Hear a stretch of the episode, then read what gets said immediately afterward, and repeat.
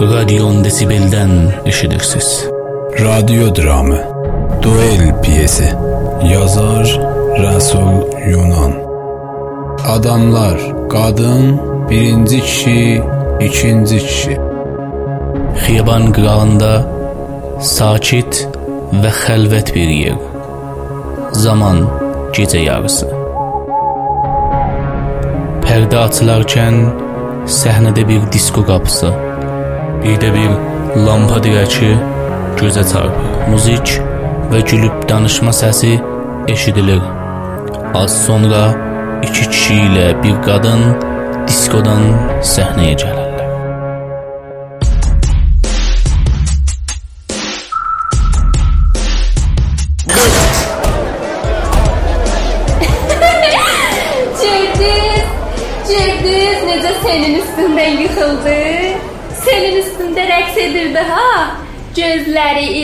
Rəqqasə, onu deyirəm. Bəli, əzizim, yaman yıxıldı. Hələ şans gətirdi, başı yerə dəymədi. Yoxsa indi bimaristandaydı. O həmişə səndən düşər. Bundan belə iddiası var ki, onun kimi dünyada rəqqas yoxdur. Kimsə onun kimi rəqs edəməz. Məncə də pis rəqs etmirdi. Sən buna rəqs deyirsən, ayaqları açıb yummağa rəqs deyirsən. Düzdür, mən kefliyəm. Sən haqlısan. Mən əslən onun rəqsini görmədim. Sən keyfli olanda kör olarsan. Hə, kör olaram. Sən necə? Sən də keyflənəndə kör olursan. Bəli, əzizim, kör olaram. İndi ikiniz də keyflisiz. Hə, Hə, kefliyik. Pəs, ikiniz də körsüz. Elədir? Hə, biz, biz körük. çox. Heç yanımız görmürük. Biz hardayıq? Məni tutun. Gözlərinizi açın körlər. Düşürəm. Biz çoxuq. Bizim gözümüz yoxdur. Nə oldu əzizim? Oyan əzizim. Kefli deyil, oyanar. Tez ol, tez ol bir iş gör. Neyliyim? Qaç, qaç diskodan bir livan su gətir. Pis fikirdə. Oyan sevgilim, oyan. Mənə nə oldu? Heç nə, heç nə, fəqət, fəqət çox içibsən. Bura haradır? Bura, bura bizim evimizdir. Kimin evi? Öz evimiz. Sən kimsən? Mən, mən, mən sənin, mən sənin dostunam. Mənim ki dostum yoxdur. Niyə? Var. Mən sənin dostunam. Yalan deyirsən. Yox. And içirəm ki, yalan demirəm. Mənə inan. Daha heç kim sənə inana bilmirəm. Məni bağışla. Yox, yox əzizim, belə düşünmə. Mənim necə düşündüyümə haqqım var. Düzdür. Biz biz demokrasiya baş əyməliyik. O özünə gəldi. Hə, yavaş-yavaş halı yaxşı olur. İç əzizim. Yuxum gəlir. Bura yataq otağı deyil ki. Burada yatmaq olmaz. Hər yerdə yatmaq olar. Nədən olmaz? Mən hər yerdə istəsəm yataram. Sən haqlısan. Burada yatmaq olar, ancaq ancaq yaxşı deyil burada yatasan. Mənim yuxum gəlir. Yuxum gəlir. Başa düşürsüz? Hə, başa düşürük. Yat gözəlim. Gecən xeyir.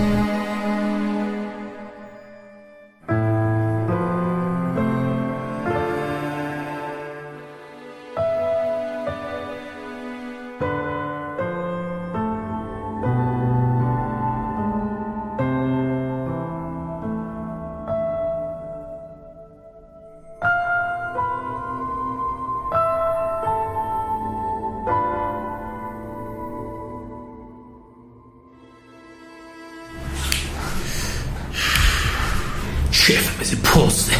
Lənətə gəlsin. Eyb eləməz. Qoy biraz yatsın sonra sonra oyadarıq. O hələ-hələ oyanmaz. Görəcəksən.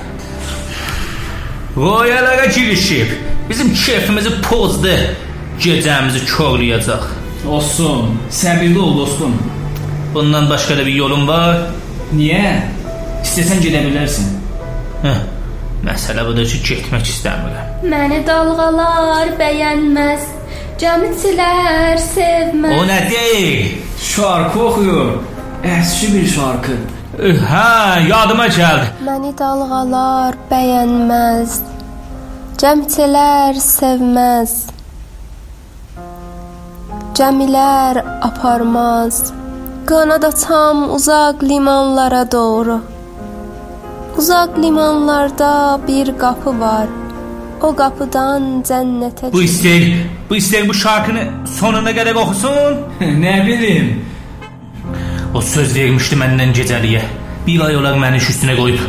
Va, yoxumunu xəşləmişəm. Onu sevirsən, Bəllidir ki, sevirəm də bə. bəs dözməlisən. Ha zamanacan. O istədiyi zamana qədər. Mən 6 ayda ona vurulmuşam. Onu yaxşı tanıyıram. Ancaq ancaq unutmadan deyim ki, sən onu sevmirsən. Sən bunu hardan deyirsən? Bu dözümsüzlüyündən insan birini sevərsə, onun hər nəyinə dözər. Sən sadəcə istəyirsən onunla yatasan və sonra onu boşlayasan. Düz demirəm? Yox. Belə də. Mən onu sevirəm. Yox, sən onu sevmirsən. Sən özünü sevirsən. Sən istəyirsən sadəcə öz cismində yanan ateşi söndürəsən. Sən onu sevirsənsə, heç soruşmazsan, mən burada kiməm? Bunun bunun aydınca cavabı var. Biz dostuq və bu gecə bərabər buraya gəlmişik. Yox. Yox, belə deyil.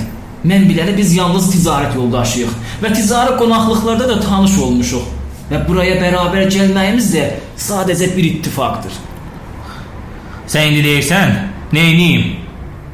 Heç bir zat. Məncə, məncə, Hə, dilini çeynəmə.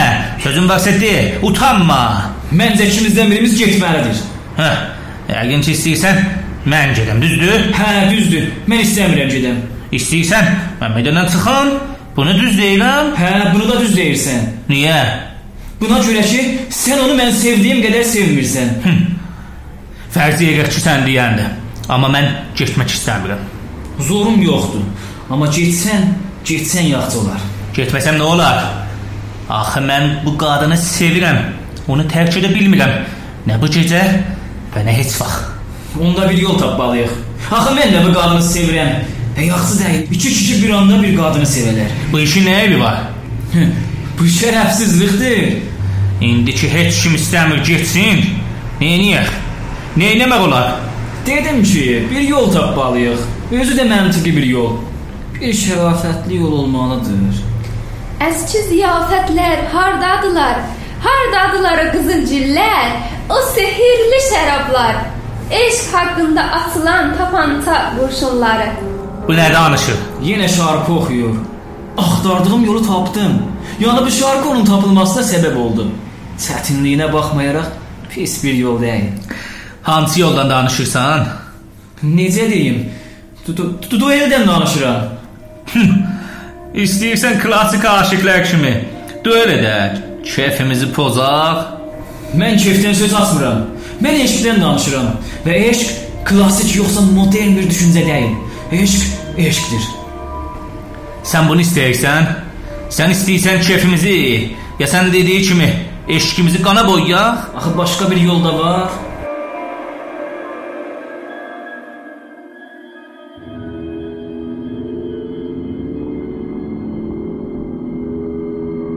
Məncə dünya dəyişilib. Bu işlərin zamanı keçib. İndi duel etdiyi üçün hamı puşkinə gülür. Başqa bir yol tapmalıyıq. Yaşayış film. Ya da roman deyil ki. Duel yalnız filmlərdə ya da romanlarda xoşdur. Bu dünyanın gerçək yolları var. Bu gerçək yollardan getməliyik. O yollardan biri budur ki, bu qadın bir gecə sənlə olsun, bir gecə mən və belə hər şey bitəcək.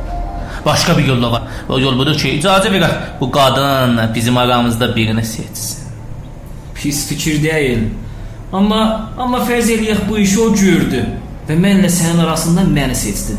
Onda sən gedərsən? Yox, getmərəm.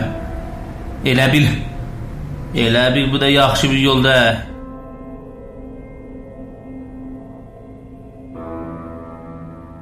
Bu bizi yaxşı yol aparmaz. Biz bu ixtiyarı ona verməməliyik. Niyə? Niyə belə danışırsan? Məyər o adam deyil? Niyə? Adamdır. Amma özün bilirsən. Arvadların yaxşı beyinlər işləməz. Pəs bu qafası yaxşı işləməyən qadına görə nəyə çalışırsan? Nə üçün gündə saqqalını qırxırsan, paltarlarını dəyişirsən? Neçə dəfə ot qolon vurursan? Nə üçün yaxşı görünmək istəyirsən? Bu kişilərin şəxsi özəlliyidir. Mən fikirləmirəm. Mən fikirləmirəm sən insanlardan boş olan bir adada yaşasan, bu işləri görəsən. Bəlkə də sən deyəndi, gəl bu faydasız sözləri boşlayaq. Allah, bizim işimizə bax. Bu gözəl qadını boşlayıb nələrdən danışırıq. Elə bu sözlərin hamısı ona görədir dostum. Onu elə gətirmək üçün. Bu əlimizdədir. Yox, əlimizdə deyil. O yaxın budağa qonan bir quş kimidir. Əl atsan uçar, özü istəməsə də gəlməz. Cismi də elə gəlsə, ruhu gəlməz. Deyəsən bu gün nə çox şey oxuyursan ha. Hə, bu günlər çox şeir oxuyuram. Amma şeir, şeir məni həqiqətdən uzaq salmır. Bunu da artırmalıyam ki, şeir ruh üçün bir yemək sayılır. Nə bilim, bəlkə də sən deyəndi. Amma indi mənim ruhumun aclığını yalnız bu qadın bitirə bilər və mən və mən onunla olmalıyam. Və kimsə qarşına çıxa bilməz. Düzdür? İstəyirsən bunu deyəsən? Yox, təhcə mən elə gəlir ki, bu qadını sevirəm və sevgidən əl çəkənmirəm. Sevmək bəs deyil, dostum. Çalışmalısan. Onu istəyirsənsə, məni öz yolundan götürməlisən. Çünki mən də onu sevirəm və məndən başqasının ona toxunmasını istəmirəm. Bu dünyanın heç bir zadı məni maraqlandırmır. Düzdür əzizim. Amma indi indi bir şey səni maraqlandıracaq. Sən nədən danışırsan? İndi indi güllə səsləri e, sənin yuxunu qaçırdacaq. Əbədi bir oyaqlığa qovuşacaqsan. Soruşdum sən nədən danışırsan? Dueldən bu qadını elə gətirmək üçün və eşqimizi göstərmək üçün dueldən başqa bir lazımız yox. Çoxdandır duel görməmişəm. Necə deyim? Mən heç vaxt duel görməmişəm. İki kişi arasında bir qadına görə qanlı bir savaş da görməli olmalıdır. Görməlidir əzizim. Çox görməli. Bu savaşda ölən nə müzəffərdir, qalanlı. Dayan bir görüm. Məncə bu məsələni para ilə sona çatdırmaq olar. Para hər yerdə işə gəlməz dostum. Mən paraya tovlanmaram. Onu da tovlaya bilsən, məni tovlayanmazsan. Hər kim məni sevirsə, duel meydanına girməlidir. Amma bu oyun qanlı bir oyundur. Qorxusan? Qorxuram, amma sən deyən kimi yox. Sən necə əzizim? Yox, mən qorxmuram. Mən yalnız sənsizlikdən qorxuram. Bəs, duelə başlayın. Gecə soğuşur. Qoymayın bu gecə tez sona çatsın. Bu gecə unudulmaz bir gecədir. Mənim sözüm yox. Hazıram. Elə bir başqa bir yolum yoxdur. Mən də hazıram. Kürə-kürəyə dayanın. Mən saydıqca bir-birinizdən uzaqlaşın. Mən 10-cu nömrəyə yetirəndə atəş atacaqsınız. Heç vaxt bir qadına görə dövlətməli düşünmürdüm. Gök sevgi adamı haralara gətirib çıxardır. Sevmək çətin bir işdir. Mən bu qadını sevəndən bəri bunu düşünmüşəm. Hazırsınız? Hazırsınız? Bəli əzizim. 1 2 3 Dayan. Nə oldu? Eh, yalnız bir sualım var. Sən mənim olsan deyə bu oyunun burada başa bitməsini nə qədər para verməliyəm? Məni ticari əşyalarla səhv tutma. Ya duel et, ya da məni ürəyindən çıxart. Belə olsa, belə olsa duel yaxşıdır. Say. Başdan say. Duelin özünə görə yasaları var. Bu yasaları pozmamaq lazım. Bu seri hər kim dueli pozsa, uduzubdur. Oldu. Saymağa başla sevgilim. 1 2 3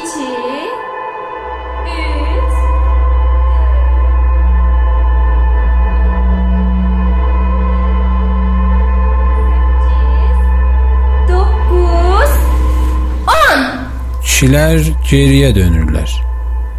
Birinci kişinin tapancasında güllə yoxdur. İkinci kişi ateş açır.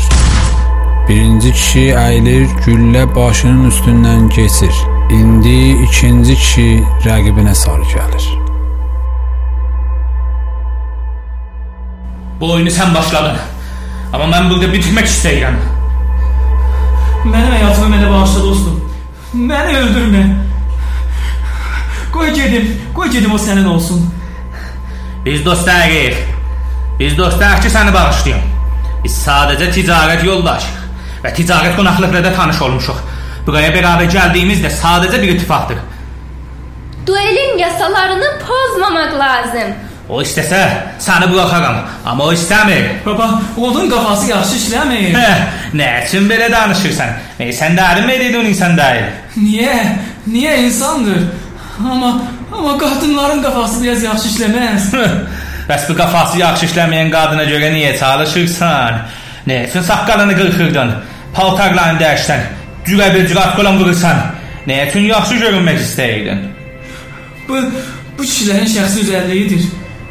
Fikirləmirəm sən bir insandan boş bir adada yaşasan, bu işləri görəsən. Bəlkə də sən deyəndir. Gəl, gəl bu faydasız sözləri boşlayaq. Məncə Məncə bu məsələni para ilə sonra satdırmaq olar. Para hər yerdə işə gəlməz yoldaş. Mən paraya tovlanmaram. Onu öldür. İkinci kişi maşanı çəkir, amma tapancasının gülləsi yoxdur. Lənətə gələsən. Birinci kişi ayağa qalxır, cibindən bıçağı çıxardıb və ikinci kişinin boğazına dayır.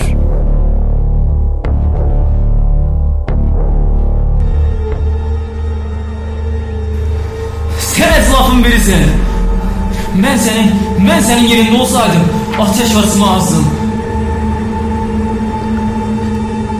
Mən iştibah elədim dostum. Məni bağışla.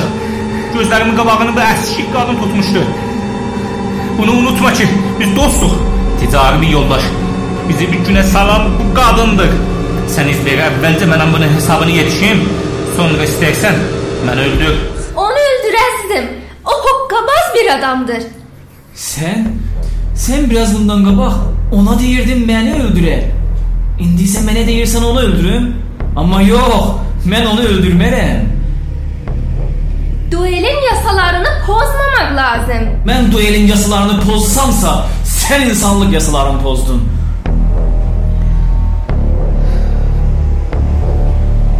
Sən nə sevgi bilirsən nədir? Nə də sevgili olmaq. Sən bir sən bir iflitəsən. Yaxınlaşmayın. Yaxınlaşsaz dəliş-dəliş olarsınız. Sən sən bir qatilsən. Bir qorxunc qatil. Yox, belə düşünmə. Mən qatil deyiləm. Mən qatil olsaydım, indi lap azı biriniz bu dünya ilə vida etmişdi. Bilirdim iş buraya seçəcək. Göz-göz edib diskoda olan zaman tapançalarınızda olan güllələri çıxartdım. Bəs o atılan güllə nə idi? Bilmirəm. Yəqin o güllə onun tapançasının içində gizlənmişdi.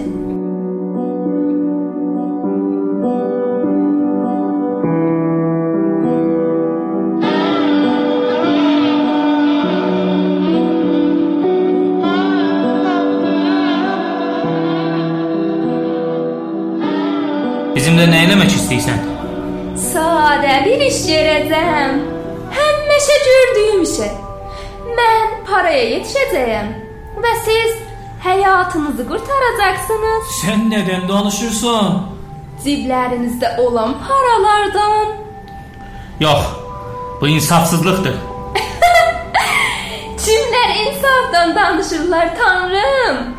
Bu şəhərin ən insafsız tacirləri. Tez olun əzlaflar. Mənim vaxtım yoxdur. Paralarınızı verin. Verməsək nə olar? Siz həyatınızı qurtaramazsınız və mən yenə də paramı sataram. Elə bil başqa əlacımız yoxdur. Düzdür? Hə, düzdür elə bil. Qol saatlarınızı da atın. İndi isə paltarlarınızı çıxardın. Da bu nə deməkdir? Susun. Dedim ki, vaxtım yoxdur. Nə dediyimi edin. Kişilər onun əmr etdiyi işi görürlər. Qadın onların paltarlarını bir yerə yığıb və sonra kifindən bir məşrub şüşəsi çıxardır, onların üstünə səpir və sonra fəndəh çəkir. Bu gecə unudulmaz bir gecədir. Bu gecə öz paltarlarınızın oduna qızışın.